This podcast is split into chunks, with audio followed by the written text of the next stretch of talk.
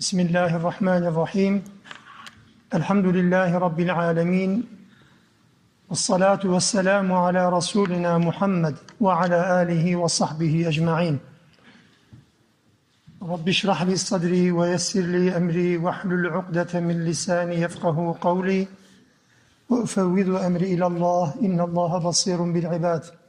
لا حول ولا قوة إلا بالله العلي العظيم. Alemlerin Rabbi olan Allah'a hamdü senalar olsun. Onun Resulüne, âl ve ashabına, ehli beytine salatu selam olsun. Allah'ın rahmeti, bereketi, mağfireti, selamı ve selameti hepimizin, hepinizin üzerine olsun. Taha suresinin son ayetleriyle birlikteyiz. Davet yöntemi açısından Musa aleyhisselamdan söz edildikten sonra Rabbimiz Adem üzerinden bizi bize tanıttı. Sonra Kur'an-ı Kerim'in temel hedeflerinden ve temel konularından birisi olarak tevhid ve ahiret üzerinde durdu, atıflarda bulundu. Bu mücadelenin devamı sırasında özelde peygamberler, genelde bütün davetçiler için kaçınılmaz bir durumdan söz ediliyor. Nedir o? Müslümanca bir iddia adına ortaya çıktığınız zaman düşmanlarınız çoğalacaktır, engellemeler olacaktır. Bunlara karşı Rabbimizin değişik yöntemleri, değişik tavsiyeleri söz konusu. Bazen bu tavsiyelerin içerisinde fiziki olan tavırlar var, dik duruşlar, hatta çatışmalar, hatta karşı koymalar, kavgalar. Ama bir de ruhsal arınma boyutu dediğimiz ibadetle, namazla, kullukla karşı çıkışlar var. İnsanın kendisini buna hazır hale getirmesi söz konusu. Dolayısıyla davete karşı çıkanlar söz konusu olduğu zaman Müslümanların alternatiflerini de Rabbimiz kitabında çok farklı bağlamlarda ortaya koyar. Burada da geçen derste kaldığımız son ayet-i kerimede buna yönelik bir tavsiyede bulunmuştu. Fasbir ala ma yekulun onların söyledikleri, onların iddiaları karşısında sabret ve Rabbini hamd ile tesbih et. Bu hamd ile tesbih etmenin değişik şekilleri olabilir ama sadece sözlü olmadığını yeniden hatırlatalım. Fiili anlamında bir tesbih, Allah'ın yüceltilmesi anlamında bir tesbihten, bir hamdten, övgüden söz edilir. Bu bütün zamanları kuşatacak. Sabahın, öğlenin, akşamdan öncenin, akşamdan sonranın, gecenin ve güneş doğmadan öncenin bütün zamanlarda Müslümanların Rabbi ile baş başa olmasını Rabbimiz bu ayet-i kerimede bize öğütledi, tavsiyede bulundu. Niçin? Özellikle bu davet konusunda azmimiz kırılmasın diye. Özellikle düşmanlara karşı daha iyi bilenelim diye, daha iyi hazırlıklı, donanımlı olalım diye, kendimizi daha hazır hale getirelim diye Allah Teala bazen işin ruhsal boyutunda bu tür tavsiyelerde bulunur. Medine döneminde inen ayetlerde Müslümanlara yönelik baskı ve zulümler arttığı zaman misliyle mukabele dediğimiz karşılıklı olarak onlar size nasıl bir kötülük yaptılarsa diyelim ki saldırının şekli neyse siz de ona karşı ona yönelik bir tedbir alın, karşı koyun. Hatta haram beldelerde ve haram aylarda bile çatışma yasaktır normalde. Onlar yani İslam düşmanları bu haram zamanları ve haram mekanları, kutsal mekan ve zamanları ihlal ederlerse bile siz onları elbette bunda kutsaldır, kutsal zaman ve mekanlardır diye sessiz kalmayın. Siz de aynı şekilde mukabelede bulunun diyecektir. Dolayısıyla bu iki aralıkta farklı yöntemleri Rabbimiz bize hatırlatmış oluyor. İşte surenin bundan sonraki ayetlerinde de Allah Teala yine buna yönelik bize dik durmamız, ayakta kalabilmemiz, direnebilmemiz için bir takım tavsiyelerde bulunacak. Onlardan bir tanesi de 131. ayet-i kerimede. Bismillahirrahmanirrahim. وَلَا تَمُدَّنَّ عَيْنَيْكَ إِلَى مَا مَتَّعْنَا بِهِ أَزْوَاجًا مِنْهُمْ zahratel hayati dünya lineftinehum fih. Kafirlerin bir kısmını Allah Teala hepsine değil, kafirlerin bir kısmına Allah Teala rızıklarını verir, genişletir, imkanlarını ayaklarının altına serer, dünya hayatlarının süsleri olan şeyleri onlara amade kılar. Hepsi onların elleri altındadır. Dünya ile alakalı hiçbir endişeleri olmayacak imkanlar sunar kafirlere. Verir bunu ve Müslümana diyor ki Allah Teala bunlara gözünü dikme. Bunlar sadece onları imtihan etmemiz içindir. Lineftinehum fih. İmtihan içindir. Fitne kelimesini daha önce izah ettiğimi hatırlıyorum. Fitne altın madenini ayrıştırırken altın madeni bulunduğu toprağı ateşe vermek, şiddetli yüksek hararetli ateşte altınla o cürufun, altınla posanın birbirinden ayrılması işine Arapçada fitne denir, fetene denir. İnsanlara malların verilmesi de bir fitnedir, bir imtihandır. Yani ayrıştırma nedenidir. Samimiyetlerini ölçme nedenidir. Biz onlara bunun için verdiğimiz bu malları, bu dünya hayatının o zinetlerini, süslerini sen kalıcı bir şey, çok iyi bir şey, Allah yürü kulum dediği bir şey zannetme. Kime diyor bunu? Şu an için bana ve size söylüyor. Dün başkalarına söyledi. İlk peygambere ve ashabına söyledi. Son söylenen sözün muhatabı biziz. Allah bize diyor gözlerinizi dikmeyin. Bunlara aldanmayın. Ve rizqu rabbike hayrun ve. Çünkü Rabbinin rızkı hem daha hayırlıdır, yani daha değerlidir, daha üstündür, daha kıymetlidir ve de daha kalıcıdır. Dünyada dünya açısından verilen nimetleri kullanabileceğiniz süre nedir? Taş çatlasa çocukluk yılları yani nimetin kadrinin kıymetini bilemediği, bilinemediği çocukluk yaşlarını çıkarın. Kolesterol, tansiyon, romatizma, şu bu hastalıklarla uğraştığı son dönemlerde çıkarın. Bir insanın dünya nimetlerinden ahım şahım bir şekilde faydalanacağı maksimum süre 50 yıldır, 60 yıldır ötesi yok. Ama Rabbinin rızkına gelince ebedi bir hayatta, sonsuz bir hayatta elbette bu rızık Allah'ın verdikleri çok daha değerlidir. Akıllı insan değersiz olanla değerli olanı değiş tokuş yapmaz. Rabbimiz bu anlamda bize öğüt veriyor. Gözlerini dikmeyin. Bu ilk muhataplar döneminde de modern dönem insanında da ciddi bir sorundur kardeşler. İnsanların sahip olduğu imkanlara bakıp vay be demek, iç geçirmek, keşke falan diyerek söze başlamak, söze başlamasam bile düşünsel anlamda bu şekilde bir niyet taşımak bir Müslümanın izleyeceği bir yöntem, bir yol değildir. Benzeri bir ifadeyi Tevbe suresinin 55 ve 85. ayetlerinde birbirine benzer ifadelerde görüyoruz. فَلَا تُعْجِبْكَ اَمْوَالُهُمْ وَلَا اَوْلَادُهُمْ Onların malları ve çocukları, ekonomik ve sosyal statüleri, mal ekonomik statüyü, çocuklar sosyal statüyü, nüfus ve nüfuzları sakın seni aldatmasın. Çok da hoşuna gitmesin, ilgini çekmesin. İnnemâ yuridullahu liyuazzibahum biha fil hayatid dünya. Ne zannediyorsunuz? Allah Teala bunları onlara niçin veriyor? Dünya hayatta onlara veriyor ki azapları artsın. Aklını başına almayan insan imkanlara sahip oldukça iyi yolda olduğunu zanneder. Yanlış yaptığını düşünmez. Yanlış yaptıkça da batar. Battıkça da azabı şiddetlenecektir aklının başına almadığı zaman.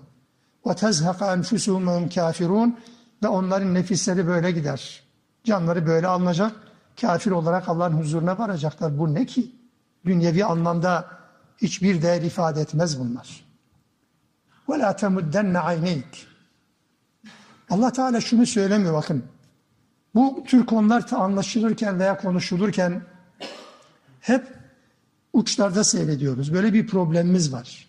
İfrat ve tefrit noktasını bir türlü aşamıyoruz. Basat bir ümmetiz, dengeli bir ümmetiz. Bu işin orta yolu vardır, ortası vardır. Ortasını bulmak gerekecektir. Allah Teala bakmayın demiyor. Görmeyin demiyor Dünyevi imkanlara sahip insanların şatafatını ve saltanatını gözlerinizi kapatın geçin demiyor. Görebilirsiniz, bakabilirsiniz ama وَلَا تَمُدَّنَّ عَيْنَيْكِ Burada dik dik bakmak diye ifade edilir ya, bakarken tasavvurda bulunmak, bakarken iç geçirmek, imrenmek yani. Yasaklanan budur.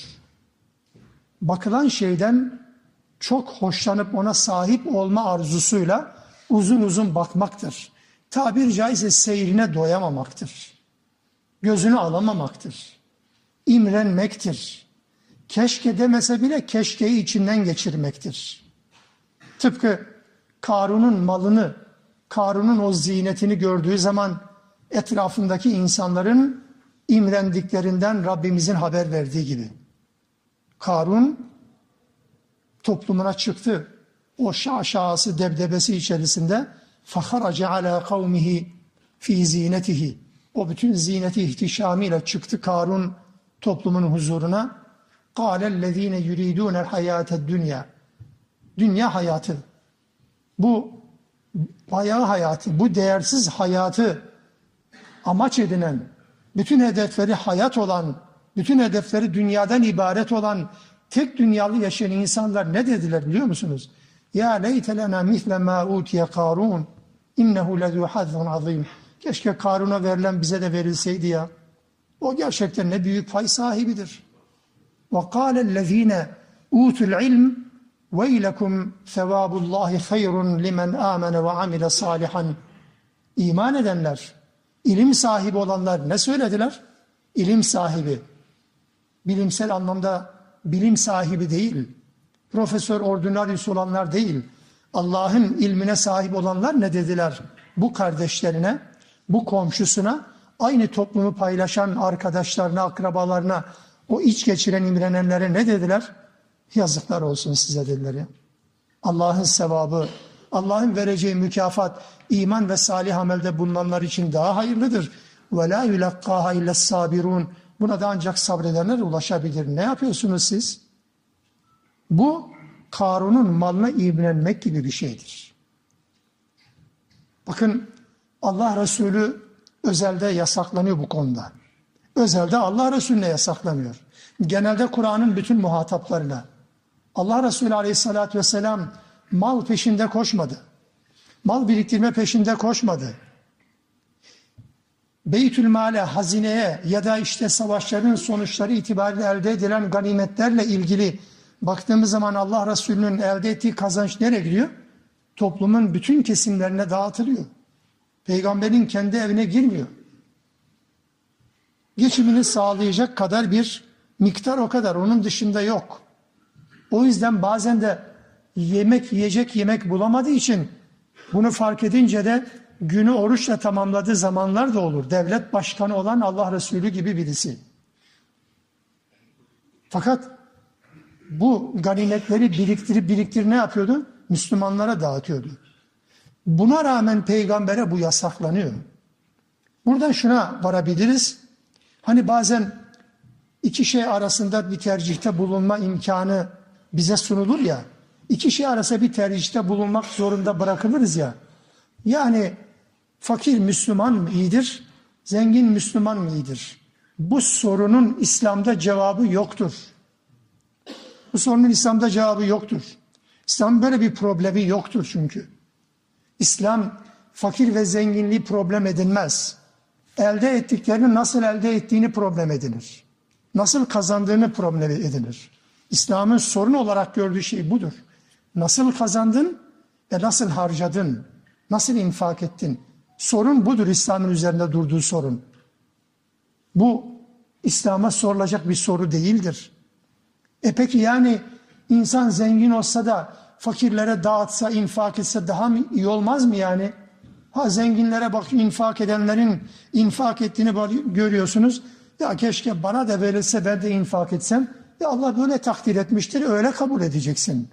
Bu anlamdaki keşkeler bile doğru değildir. Evet. Bu anlamda Allah Teala ne taksim ettiyse, hissene payına ne düştüyse ona razı olmak, Ya Rabbi bana ver ki ben de fakirleri infak edeyim demekten daha önceliklidir.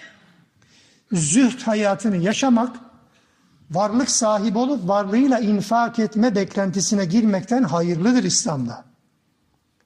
Olursa aliyül ala bu olabilir. Tekrar hatırlatıyorum. Geçen derste de buna dair bir cümle kullanmıştım. Çünkü bu konuyu anlattığımız zaman hep bir tarafa doğru çekilecektir. Siz çekersiniz anlamda söylemiyorum. Yani İslam fakirden yana mıdır? Hayır. İslam zenginden yana mıdır? Hayır. Taksimat neyse o. Herkes fakirse fakirliğini, zenginse zenginliğini, sorumluluğunu bilecektir. Bu kadar. İslam'ın derdi budur. Bu yönüyle tekrar hatırlatayım ki benim şu ana kadar öğrendiğim bu dil bir Müslümanın sahip olacağı mal ne kadardır? Ne kadar miktara sahip olabilir? Ötesi caiz değildir gibi bir sorunun cevabı yoktur. İstediğiniz kadar sahip olabilirsiniz. Yeter ki sahip olduğunuz meşru olsun ve yeter ki sahip olduklarınızı Allah'ın istediği şekilde kullanın. Bu kadar net. Onun için Allah Teala'nın bize taksim ettiğine razı olmanın dışında Allah bizden bir şey istemiyor. Sahip olmadığımız, şu an itibariyle sahip olmadığımız, gelecekte sahip olmayı temenni ettiğimiz imkanlar üzerinden Müslümanlık taslamamızı hiç istemiyor. Vazgeçin bundan. Ben Müslüman olursam, şey efendim zengin olursam Allah Teala bana verirse ben şöyle yapacağım. Ya sorumlu değilsin. Cebinde ne kadar var kardeş? 50 liram var.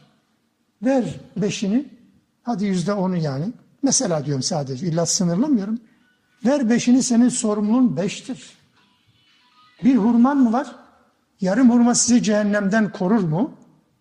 Evet. Allah Resulü'nün ifadesidir. Yarım hurma. Başka servetin yok. Trilyona bedel. Bir trilyonun yarısını veren bir insanla bir hurması olanın yarım hurmasını vermesi arasında bir fark yok. Nedir mesele? Senin sahip olduğunun infakla orantısıdır. Bu kadar nettir. Sorumluluğumuz bu kadar nettir. E o zaman ne diye ben başka sahip olmadığım, başkalarının sahip olduğu imkanlar üzerinden infakçılık taslamaya çalışayım? Cebim ne kadar, imkan ne kadar benim sorumluluğum şu anda bu. Allah Teala verirse veririm. Kaldı ki nice insanlar da görmüşüz. Ah şu imkanım olsa da infak etsem, infak. Ne infak? İmkanlar haddi hesabı yok. İmkan sahibi olduktan sonra kendisini bile görmüyor. Bırakın fakiri.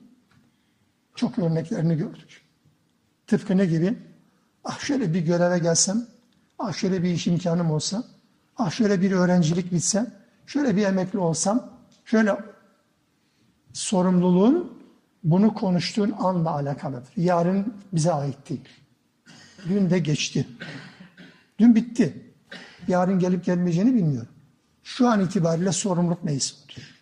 Maddi anlamda da bu böyledir.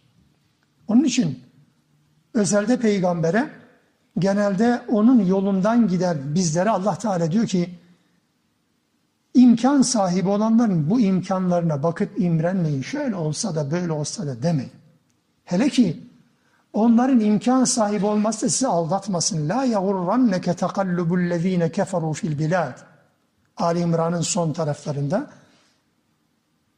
Onların özellikle kafirlerin memlekette hava atarak dolaşmaları seni aldatmasın.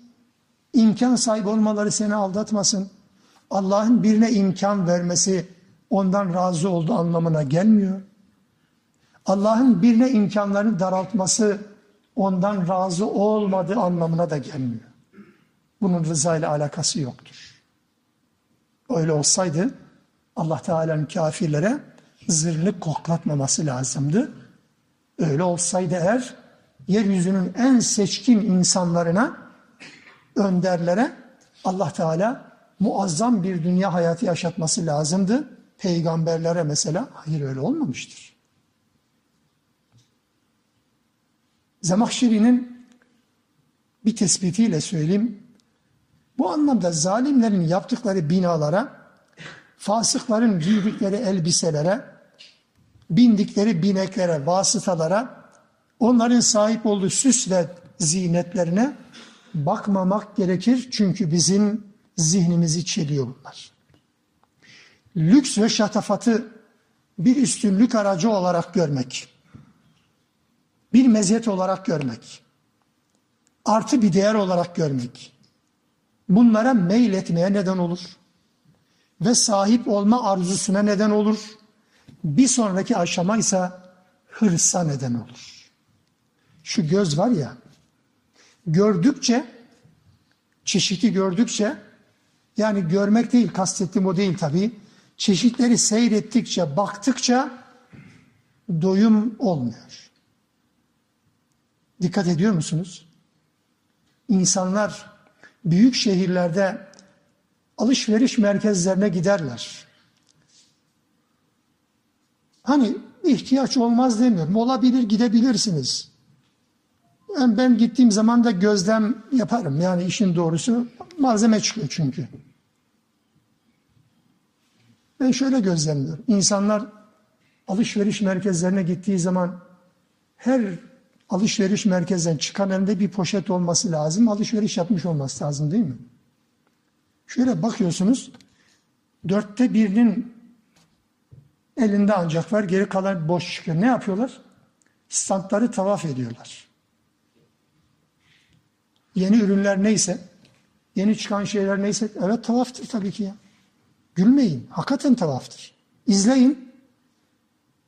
Gidiyor bakıyor, hatta Hacer Lesvedi istilam gibidir. Gidiyor bakıyor böyle, o ne kadar güzel bir de bakıyor şöyle. Alabilmek imkanı olsaydı alırdık, alamıyor. Şurasına batıyor. Ona gidiyor, ona gidiyor. Yok mümkün değil. Hele bir de o reklamlar, o billboardlar, panolar ne yapıyor? Bütün amaç bu. Baktıkça doyamazsınız. O yüzden en kırsal kesimde bir evin konforunun reklamının yapıldığını gören en kırsal kesimdeki dağ başındaki bir kardeşim, bir Müslüman gerçekten çok masum düşünme imkanı kalır mı? Bir değil, üç değil, beş değil. Yaptığı yatağa bakıyor, görülen yatağa bakıyor. Kullanılan malzemeye bakıyor, kendi malzemesine bak. Allah ne olacak bu? Arkasından bunalım başlıyor. İl değiştirmek yetmiyor, vatan değiştiriyor. Nereye? Daha çok kazanmak adına. Hırs, doyum yok ki. وَلَا تَمُدَّنَّ عَيْنَيْكَ okuduğum zaman bu aklıma gelir. İmkanlara sahip olmamak değil kardeşler. Hazreti İsa'nın şöyle dediği nakledilir. Dünyayı rap edinmeyiniz. Eğer dünyayı rap edinirseniz o sizi kul haline getirir. Tabii ya. Dünyayı kullanmayınız değil. Dünyayı rap edinmeyiniz. Rap edinirse o sizi kul haline getirir. Tabiinden Hasan el Basri de der ki ahmak insanlar olmasaydı dünya harap olurdu. Ebu Derda dünya yurdu olmayanların yurdu, malı olmayanların malıdır. Bunları aklı olmayan biriktirir. Urve bin Zübeyir der ki hükümdarların özellikle sahip olduğu şatafatı gördüğünde bu okuduğumuz ayet 131. ayet okur ve sonra etrafında olanlara der ki haydi namaza. Çünkü bir sonraki ayet-i kerime namaz emredecektir. Öncekinde tesbih, işaret yoluyla namaz vakitleriyle alakalı bir giriş, arkasından bu ve sonra gelen ayette tekrar namaz geliyor değil mi? Niye? Onun için diyor. Urve bin Zübeyir. Bunu gördüğü zaman derhal ibadete, ibadete kendini verdiği zaman bunu evet atlatabiliyorsunuz. Yoksa baş etme imkanı yok. Nefis, göz, istek, arzu bunların frenlenebilmesi ancak Allah'a kullukla mümkündür. Onun için hemen arkasından gelen ayet-i kerimede وَأْمُرْ أَهْلَكَ بِالصَّلَاةِ وَاسْطَبِرْ عَلَيْهَا diyecek.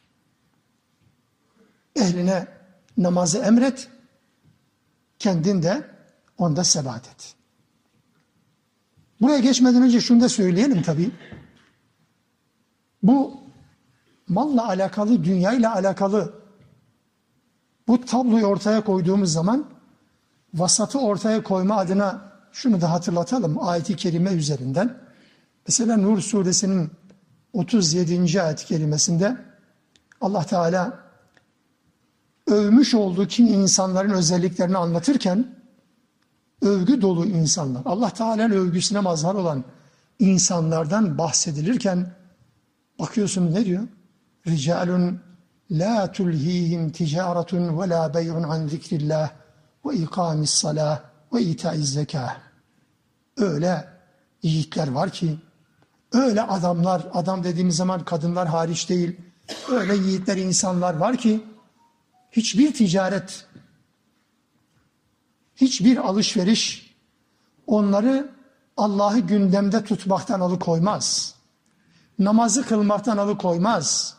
Zekatı vermekten alıkoymaz. Böyle insanlar var. Ticaret, alışveriş, muazzam, uluslararası tüccar olabilir ama Allah'ı gündemde tutmak, namazı kılmak ve zekatı vermek. Hiçbir zaman bu ticaret bunlara mani olmuyor. Hayatın merkezine bunları koyuyor. Bunlar olmadan olmaz.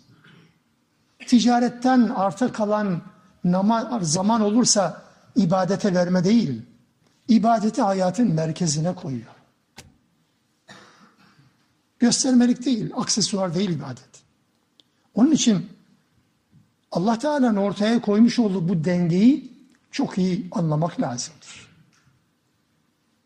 Enfal suresinde savaşın anlatıldığı ayetler bağlamında وَاَعِدُّ لَهُمْ مَسْتَطَعْتُمْ مِنْ رِبَاتِ الْخَيْلِ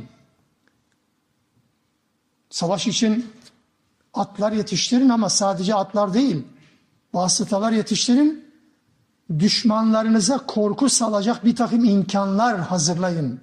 Neyle hazırlayacak Müslümanlar bunu? İmkanlarla tabii ki. Elbette Allah bunu yasaklamıyor. Allah'ın yasakladığı malın insanları yoldan çıkarmasıdır. Allah'ı gündemde tutmaktan alıkoymasıdır.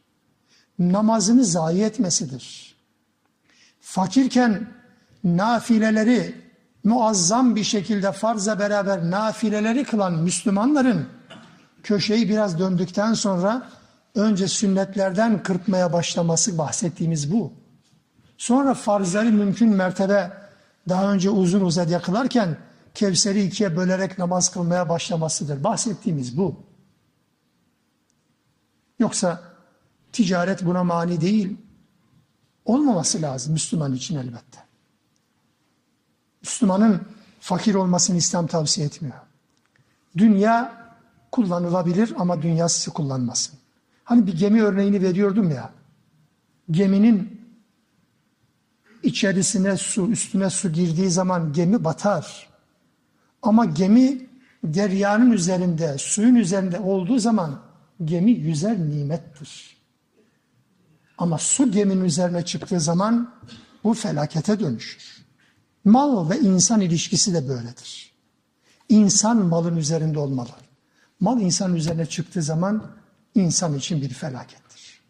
İşte bunun için hem bu ayetin öncesinde Allah'a hamd ile tesbih genel anlamda belki işaret olarak namazdan, namaz vakitlerinden söz edildiğini söyledik. Ama bakıyorsun hemen arkasından tekrar 132. ayet-i kerimede وَأْمُرْ أَهْلَكَ بِالصَّلَاةِ وَاسْطَبِرْ عَلَيْهَا Namazı ehline emret. Ehline namazı emret. Aile fertlerine. Aile fertleri kelimesini kullanıyorum ama bununla da sınırlamak doğru olmaz onu da ifade edeyim. Ehl kelimesi ehline dediğimiz zaman nedir?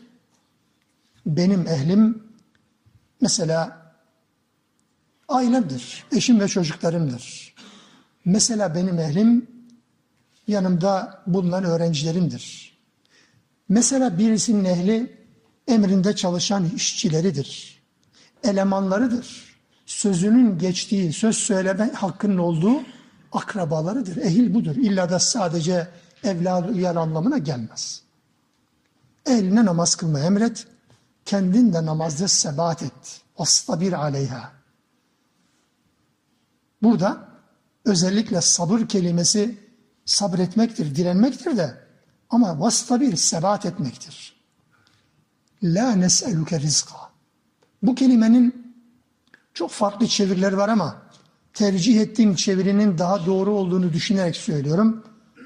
Biz senden rızık istemiyoruz. Yani Allah insanlardan rızık istemiyor şeklinde öyle değil sadece. Ya ahireti ihmal edecek şekilde rızık peşinde koşmanı istemiyoruz. Veya aile fertlerini rızıklandırmanı istemiyoruz. O rızıklandırma bize aittir. Tamam sen rızık peşinde koşabilirsin ama ahireti ihmal edecek şekilde değil. Sanki er rızku alallah değil de sanki er rızku alen nas gibi yapıyorsun. Rızık sanki babanın üzerindeymiş gibi değerlendirme diyor Allah Teala. Rızıkla bu anlamda mükellef değilsin. Senin rızkını veren de biziz. Nahnu nerzukuk. Senin rızkını veren de biziz. Vel akibetu lit takva. Gerçekten akibet, güzel sonuç takva ehlinindir diyor Allah Teala. Namaz ve rızık. Çoğu zaman rızık peşinde koşmak mı namaza mani? Eyvallah aynen öyledir. Bütün problem bu değil mi zaten? Şu kör olası dünya diye başlıyoruz ya. İbadetlerimizin huşuğunu kaybetmemizin temel nedeni bu. Yani sadece ticaret değil bahsettiğim ki öğrenci dersini dine tercih edebiliyor. Memur mesaisini dine tercih edebiliyor. Allah'ın kitabına bir saat zaman ayıramıyor ama saatlerce açık oturum izleyebiliyor. Saatlerce lüzumsuz lakırdıları on defa aynı şeyi tekrar ede ede izleyebiliyor. Ama Allah'ın kitabına zaman yok. Paldır küldür bir namaz kılabiliyor ama bir saat orada mum gibi dikilebiliyor. Affınıza sığınarak söylüyorum. Bu özellikle bu yönüyle Allah Teala diyor ki namaz ha namaz. Niye namaz? Niye namaz kardeşler? Şu tabloyu netleştirelim zihnimizde. Mesela Kur'an'da özellikle Kur'an'da da ve sünnette de bunu da yanına koyarak söyleyelim. Namazdan başka hiçbir ibadetin aile fertlerine emredilmesi söz konusu edilmemiştir. Özellikle bu kadar. Oruç tut, aileni de emret. Tesettür, aileni de emret. Yok. Olmalı mı? Tabii ki var. Olacak zaten. O emri bil maruf nehyâl münker genel anlamda öyledir. Ama tabir caizse altı çizilerek Rabbimiz tarafından özellikle ve özellikle mesela namaz kılın diyebilirdi. Aynen oruç gibi, zekat gibi, infak gibi, haramlardan kaçınma gibi genel anlamda herkes zaten muhatap. Ama namaza gelince namazı kıl, ailene emret. Niye? Özellikle çünkü. Ve namazdan başka hiçbir ibadetin çocuklara küçük yaştan itibaren emredilmesi söz konusu değildir İslam'da. Küçük yaşlardan itibaren yani buluğ çağına varmadan 6-7 yaşından itibaren çocuklara namaz kılmayı Allah Resulü öğretiyor. Öğretin diyor. Ebeveyn tarafından bu eğitim sürecinde çocuk buna rağmen eğitimden faydalanmazsa, gereği şekilde faydalandırılmazsa ve namazı kılmazsa zor kullanmayı da anne babaya emrediyor, başkasına değil. Evin içerisinde abi, amca, hala, dayı, teyze zorlayamaz. Anne, baba ve çocuklar sadece iki kişi arasında. Zorlama hakkı var. Namaz için, oruç için olmaz. Başka bir şey için de yok. Ama namaz için bu var. Neden? Namaz özel ya. Çünkü namaz hiçbir ibadette bakın şu özellik yok. Bir insan nesliyle alakalı, zürriyetiyle alakalı ya ya Rabbi zürriyetimden de oruç tutanlar olsun böyle bir duaya rastlamıyoruz. Ya Rabbi neslimden de zekati verenler olsun üstü kapalı yani zengin olsun anlamına gelebilir mi? Böyle bir dua yok. Ama İbrahim'in bize öğrettiği bir dua nedir? Rabbi cealni mukimas salah ve min zürriyeti. Rabbim bizi daha doğrusu beni ve benim zürriyetimi namazı kılanlardan eyle.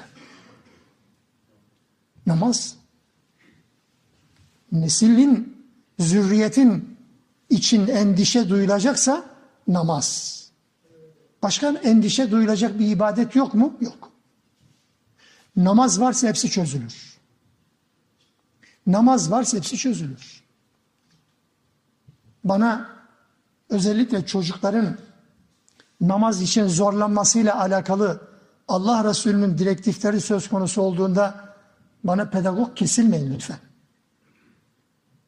Bana pedagoji formüllerini ortaya koymaya çalışmayın. Allah Resulü'nden daha iyi pedagoji bilen kimse yoktur. Müslümanların sadece modern dönemde ihmal ettikleri bir konu. Ne diye? Hoşgörü, müsamaha, aman Allah'ım ne kadar hümanist.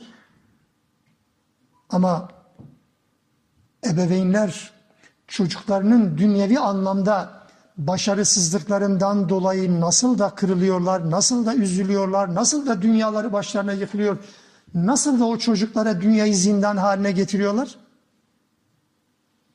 Binlerce liraya dershane verdi, çocuk başarısız oldu. O anne babayı düşünemiyor. Emek veriyor, emeğin karşılığı yok. Kıyamet kopuyor evde. O çocuğun da hayatı zindan. Çocuk psikolojik hasta. Namaz için bu söz konusu değil. Merhametli olmak gerekir. Ama özellikle anneler, kadınlar Allah'tan daha çok merhametli kesiliyorlar. Evet, çocuğu mesela sabah namazına kaldırmayacak mısınız? Yani dört vakitle sınırlayalım mı hani? Sabah namazı nerede olacak yani dört vakitle mi alıştıralım çocuğu? Hayır. Sabah namazına da gerektiği zaman kaldıracaksın. Ya ama yani uyudu, geç uyudu, kalkacak, uykusu bozulacak. Ne kadar merhametliyiz değil mi? Deseniz ki bu çocuk cehenneme doğru gidiyor. 10 yıl sonrasına sen cehennemini hazırlıyorsun desem, e vaka öyle. Dünyevi anlama geldiğinde kimse taviz vermiyor ama namaz söz konusu olduğunda herkes iyilik abidesi kesilmeye çalışıyor. Buna hakkımız yok. Namaz böyle bir ibadettir. Aynı şeyi başka ibadet için söyleyemiyorum. Oruç için söylemiyorum. Kız çocuklarının tesettüre girmesi için söylemiyorum. Başka hiçbir ibadet için söylemiyorum. İlla ki namaz. Bu varsa hepsini çözer. Hakkıyla bir namaz. Onun için zürriyetimizle alakalı endişeleneceğimiz şey de yegane ibadette namaz olmalıdır. Namaz ne kadar mükemmelse hayatın geri kalanındaki bütün kulluğumuz o kadar mükemmeldir. Kat sayıyı belirleyen şey namazdır. İnfakın kalitesi namazın kalitesiyle ölçülür. Tesettürün kalitesi namazla ölçülür. Bir insanın tesettürü yamuk mu? Vallahi namazı da yamuktur. İnfakı problemli mi? Bilin ki namazı problemlidir. Konuşmaları, tavırları problemli mi? Namazı namaz değildir. Namazını düzeltsin hepsi düzeliyor. Hepsi hizaya kondu. Çünkü bir gün değil, çünkü beş gün değil, çünkü sınırlı değil. Her gün bir de iki namaz arası namaza hazırlık aşaması sürekli zihninde zaten kaçamazsın ki. Yamuk yapma imkanın yok. Ya da olmaması lazım. Selam verdikten sonra unutuyorsanız bir sonraki namaza kadar hadi eyvallah. E bu namaz değil zaten. Onun için namazı ehline emret, kendin de buna sebat et. ahireti unutturacak şekilde de rızık peşinde koşmanı istemiyoruz. Rızık peşinde koşuyorum işte namaza vakit bulamıyorum. Bırak onu ya. Öyle şey olmaz. Öyle bir bahane olmaz. Bir toplumun bir toplumun Allah'a kulluk yapıp yapmadığının göstergesini biliyor musunuz? Namaza verdiği önemdir. Namaz kılınan mekanlara verdiği önemdir. Bir kurumda mescit arıyorsunuz, sormanıza gerek yok zaten. Ya bodrum kattadır ya izbe yerdedir. Yol boyunca karayolda seyahat ettiğiniz zaman bir yerde hani son zamanlarda tek tük olabiliyor. Bin kilometre gidiyorsunuz adam akıllı iki tane cami göremiyorsunuz. Niye? Bu toplumda zaten namaz önemli değil ki. Bir otobüse yolculuk yapıyorsunuz. 45 tane sözüm ona Müslüman var içerisinde. Namaz için bir yerde duruyorsunuz. Zorla kavga, dövüş yapa yapa duruyorsunuz. İki kişi namaz kılıyor. Ve bu toplum Müslüman. Bunun göstergesi bu. Mangalda kül bırakmayacak bir şeyler olabilir. İslam dünyası bize bakıyor işte. Ne bize bakıyor ya? Kendi kendimizi dev aynasında görmeye gerek yok. Daha namazı halledemeyen bir toplumun başka neyi halletmesini bekleyeceksiniz Allah aşkına da? Cihadı mı? Fedakarlığı mı Allah aşkına? Yapmayın bunu. Namaz yoksa diğerleri yok. Namaz zayıfsa diğerleri yine yoktur. Onun için namaz namaz çocuklarımıza bunun özellikle alıştırılması anlamında bu bakın yani zor kullanmanın neticesinde çocuk namazdan tiksinir mi? Senin sorumluluğun değil kardeşim sorumluluktan kaçma. Kimse de tiksinmez. Kimse de bir şey zorlandı diye tiksinmez. Eğer yöntemi doğru kullanırsan tabii ki. Yöntemi doğru kullanırsan. Yerinde ve uygun bir şekilde bunu yapabilirsen. Dışarıdaki problemleri eve getirirsen, dışarıda kimseye gücü yetmeden geldiğin çocuktan hıncını çıkarırsan, e bu namaz kıldırmak olmaz elbette. Bundan bahsetmiyorum. Yapmak istediğimiz zaman yapacağımız çok şey var. Ve yaptığımız zaman kimsenin bize karışmayacağı şeyler bunlar biliyor musunuz? Daha ucuz, daha basit. Ahkam kesmeye gerek yok. Devlet kurup yıkmaya gerek yok. Namazla bu işi çözün hepsi gelir. O yüzden Allah Resulü vahiy aldığı günden itibaren, ilk andan itibaren namaz vardı. İlk andan itibaren namaz vardı ve namazsız hiç vahyin hiçbir dönem olmamıştır. Namaz olması yok. Ama orucun olmadığı dönem vardır. Zekatın olmadığı yıllar vardır. Tesettürün olmadığı yıllar vardır. İçkinin, faizin devam ettiği yıllar vardır. Ama namazın olmadığı yıl yoktur. Başka günahları işleyen, başka ibadetleri terk eden sahabi vardır. Namazı kılmayan sahabi yoktur. Namazı kılmayan münafık da yoktur. Namazı kılmayan münafık da yoktur. Münafıklara, namaz kılmayanlara münafık derseniz tazminat davası açılır. Bunu söyleyeyim. Medine döneminin münafıkları peygamberle birlikte cemaatten ayrılmayan insanlardır. Namaz budur. Onun için ehline namaz emret, başka bir yerde de bir ibadet için kullanılmıyor bir ifadedir. Bu bizi ayakta tutan şeydir. Başımıza bir sıkıntı mı geldi? Namaza dur. وَاسْتَعِينُ بِالصَّبْرِ وَالصَّلَاةِ Bir anlamı da buydu. Sabırla ve namazla Allah'tan yardım isteyin. Sabırla ve namazla. Sadece yağmur gelmediği zaman gidip rüşvet için namaz kılacağız yağmur duasını? Allah anlamayacak mı bunu? Sadece daraldığımız zaman mı namaza duracağız? Öyle değil. Her zaman için her zaman için bu yapılacak. Sıkıştığımız zaman da zaten ya Rabbi daha önce sen beni biliyorsun tekrar devam ediyorum. Aciz kaldım bu durumda yine sana geldim demenin adıdır. Öncesinde yok. Rahatken problem yok, ibadet yok, namaz yok. Sıkıntıya düştüğü zaman hadi yağmur duasına çıkıyoruz. Niye? Hububatlarımız, ürünlerimiz yok, işte kıtlık geliyor vesaire vesaire. Hayır buyurun. Bu değil bakınız. Onun için namaz bizi ayakta tutabilecek tek ibadettir. Bu yerleştikten sonra gerisi hepsi çözülür. Allah Teala böyle bir bilinci şuuru hepimize ve çocuklarımıza da lütfetsin. Bu mücadele bağlamında Peygamber aleyhissalatü vesselam ve onun yolunda yürüyen bizlere yönelik bir tavsiyedir. Davetle alakalı bunları yapacağız. Ruhsal, ruhsal arınmadır belki bu yönüyle. Buna rağmen insanlar olur olmaz bir takım bahanelerle yine de yan çizmeye çalışırlar mı? Çizerler.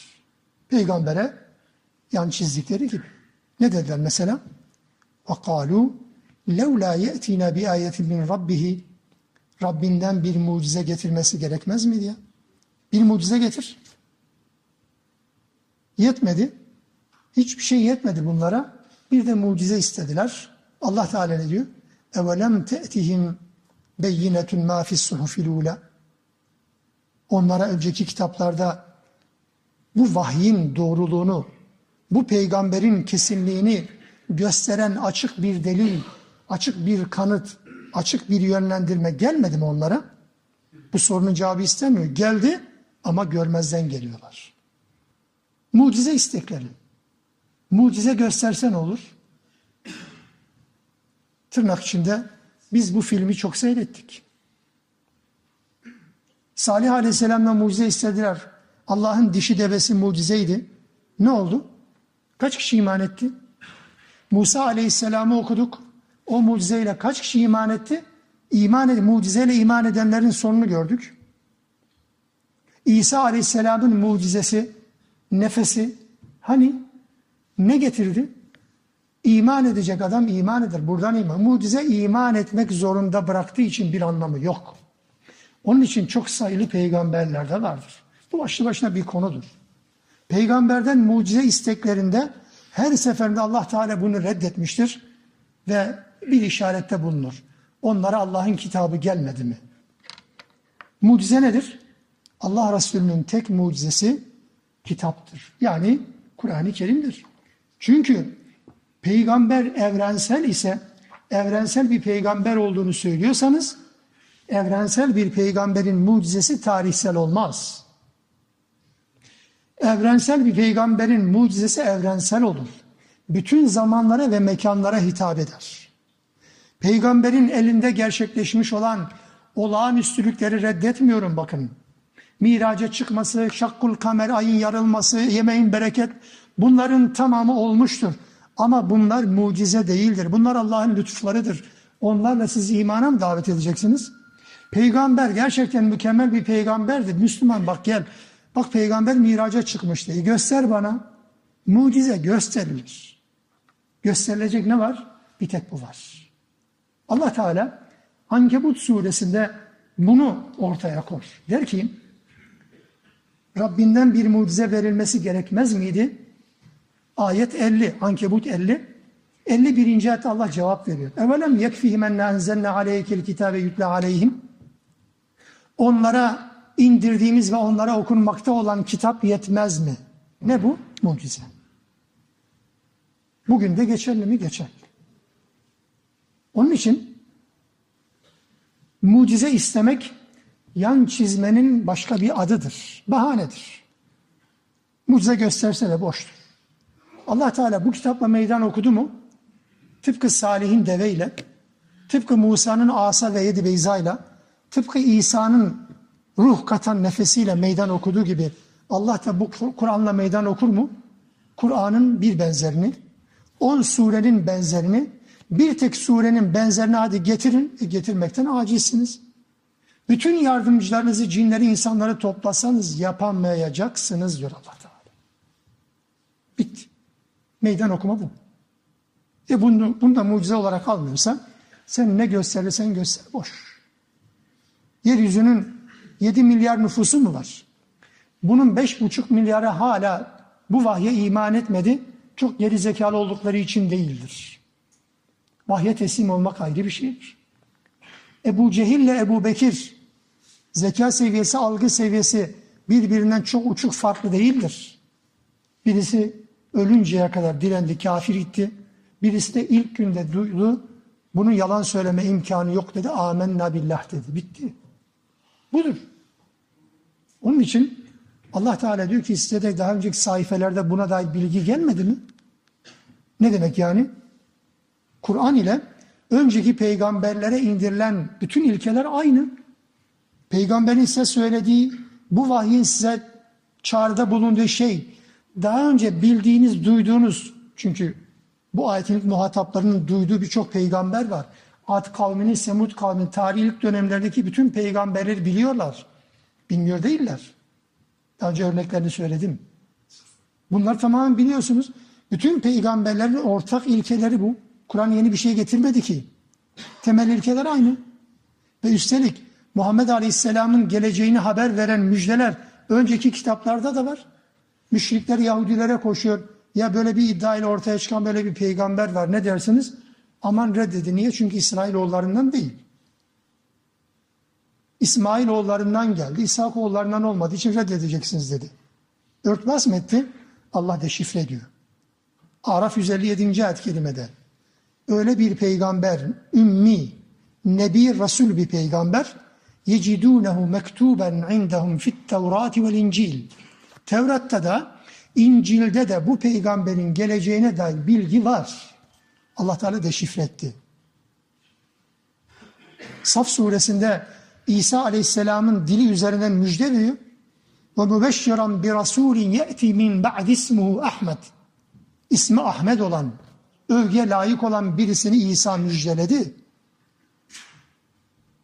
Aynı şey Yahudiler aleyhissalatü vesselam gelmeden önce Medine'de müşriklerle kavgalı haldeydi. Her seferinde her başlarına balyoz yediklerinde siz durun ahir zaman peygamberi gelecek onunla birlikte olacağız size haddinizi bildireceğiz diye meydan okuyorlardı.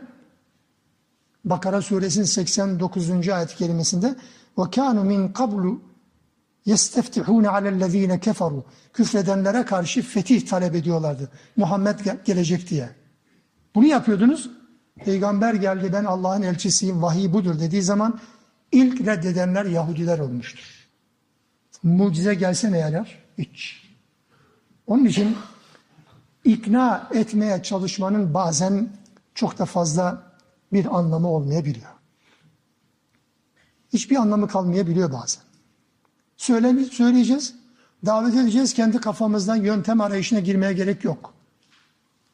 Cennete de müşteri lazım, cehenneme de. Bunu tebliğ ettikten sonra bitmiştir artık ne yapalım yani. Aleyhissalatü vesselam 13 yıl boyunca Mekke'de davette bulundu. Çekmediği çile kalmadı. Medine hicret ettiği zaman ya hele biz sayalım kaç kişiyiz diye sordu. Kadın, çoluk, çocuk hepsi dahil toplam 1500 kişi. 15. yılda yapılan bir sayım. Her yıla 100 kişi düşüyor. Çok mu az? Valla Nuh'a göre %100 fazla. Lut'a göre yüzde bin fazla. Ne yapalım? Kelle sayısıyla bu iş olmaz. Samimiyetli olur. Onun için bu isteklerin tümünün bahane olduğunu bilelim. Zorlama gerek yok insanları. Arz edersiniz, net bir şekilde mesaj ortaya korsunuz. Kabul eden eder, etmeyen etmez. Hiç umurumuzda değil ki. Ne yapacağız yani? Ama Allah Teala şu kuralı da koyuyor. وَلَوْ أَنَّ أَهْلَكْنَاهُمْ بِعَذَابٍ مِنْ قَبْلِهِ biz vahiy göndermeden, insanlara bu peygamberliği, bu vahiy bildirmeden, göndermeden eğer helak edecek olsaydık, canlarını alsaydık, vahiyle yüzleştirmeden helak etseydik, lekalu şöyle derlerdi kıyamette, Rabbena levle arselte ileyna rasulen fenettebi ayatike min kablen nezille ve nehze. Diyecekler ki, Ya Rabbi bize bir elçi gönderseydin ya, bu rezil rüsvay olmadan önce biz de o ayetlerine tabi olsaydık, demeyesiniz diye Allah Teala hiçbir toplumu mesajla yüzleştirmeden helak etmeyecektir. Bu da ilahi bir kuraldır. Bilgilendirmeden sorumlu olmaz. Sorumlu tutmaz Allah Teala. Sorumluluk yüklemeden önce bilgi olur. Emri bil marufun bir anlamı da budur kardeşler. Maruf demek kelime anlamı nedir? Bilinen şey. Bir insana siz bir şey emredeceğiniz zaman emredeceğiniz o insana o şeyin bilinmesi lazım, bilmesi lazım. Adama namaz kıl diyorsanız namaz nedir söyleyin, sonra namaz kılın de. Birine tesettürü söyleyecekseniz önce tesettür nedir, ne olmalıdır söyleyin, maruf yani bilinir hale getirin. Sonra deyin ki Müslüman bunu yapması lazım. Onun için sorumluluk yüklemeden pardon bilgi yüklemeden Allah Teala bilgi vermeden sorumluluk sahibi yapmıyor. İsra suresinde bu bir kuraldır. 15. ayet وَمَا كُنَّا مُعَذِّب۪ينَ hatta نَبْعَثَ رَسُولًا Biz hiç kimseyi, hiçbir ferdi ve toplumu elçi göndermedikçe, elçiyle yüzleştirmedikçe, bu nedir? Vahiy ile yani, mesajla yüzleştirmedikçe, buluşturmadıkça hiçbir zaman azap etmeyiz.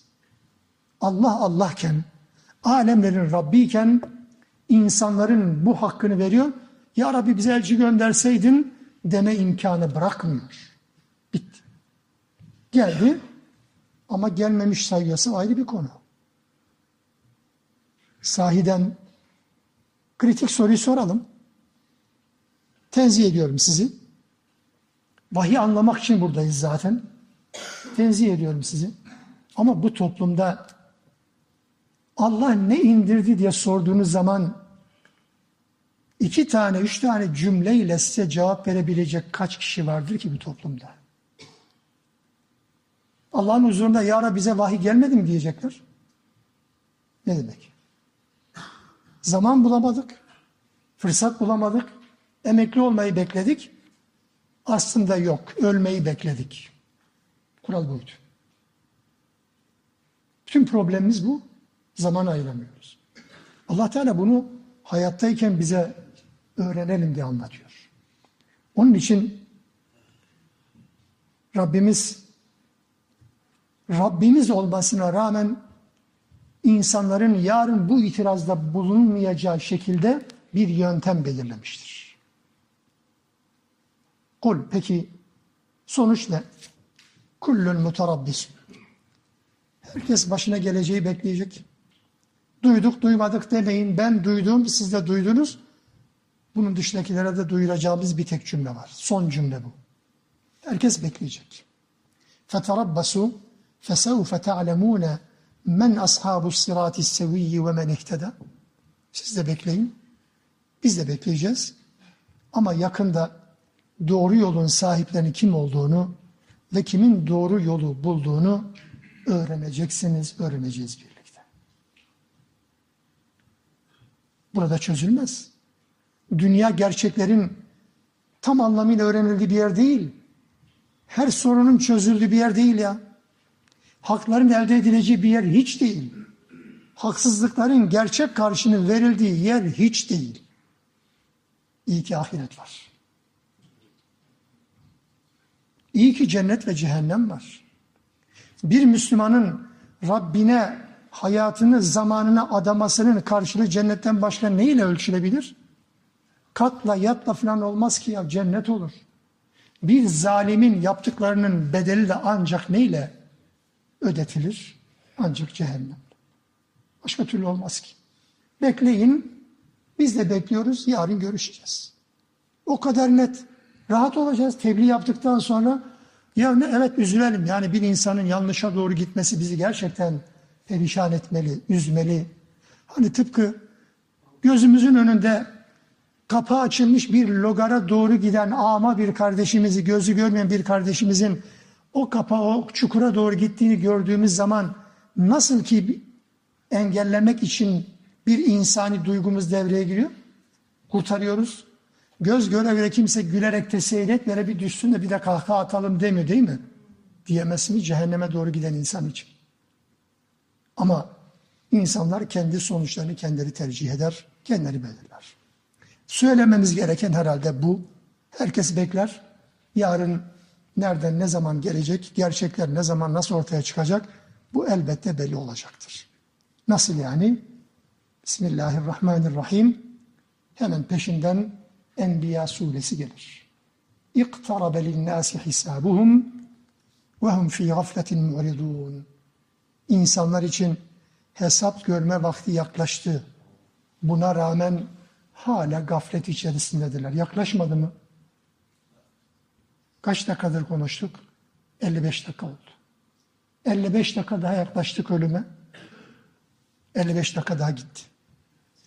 Bu kadar net. Yaklaştık. Yani yıllardır bu söylenen hala yaklaşmadı. Siz bilirsiniz. Allah Teala iktarabe linnâsi hesabı yaklaştı. Hesap zamanı yaklaştı. Bugün buradayız. Yarın kim var? En son ders yaptığımız geçen yıllardan kaç tane kardeşiniz şu anda aramızda yok ya Allah hepsine rahmet eylesin. Gelecek sene kim bilir? Gelecek hafta kim bilir? Bilmiyoruz ki. Hesap yakındır. Yaşıyorsanız nefesiniz varsa yarın olabilir bu hesap. Onun için o son Taha suresinin son ayetinde bekleyin yakında göreceksin. Ne hangi yakında? Çok uzağa gitmeye gerek yok zaten hesap yakın. Bu hesapla karşılaştığımız zaman da diz dövmenin, kafa vurmanın bir anlamı kalmıyor. Rabbim bizi bize bırakmasın inşallah. Allah Teala yar ve yardımcımız olsun. Subhaneke Allah ve bihamdik. Eşhedü en la ilahe illa ente estağfiruk ve etûbü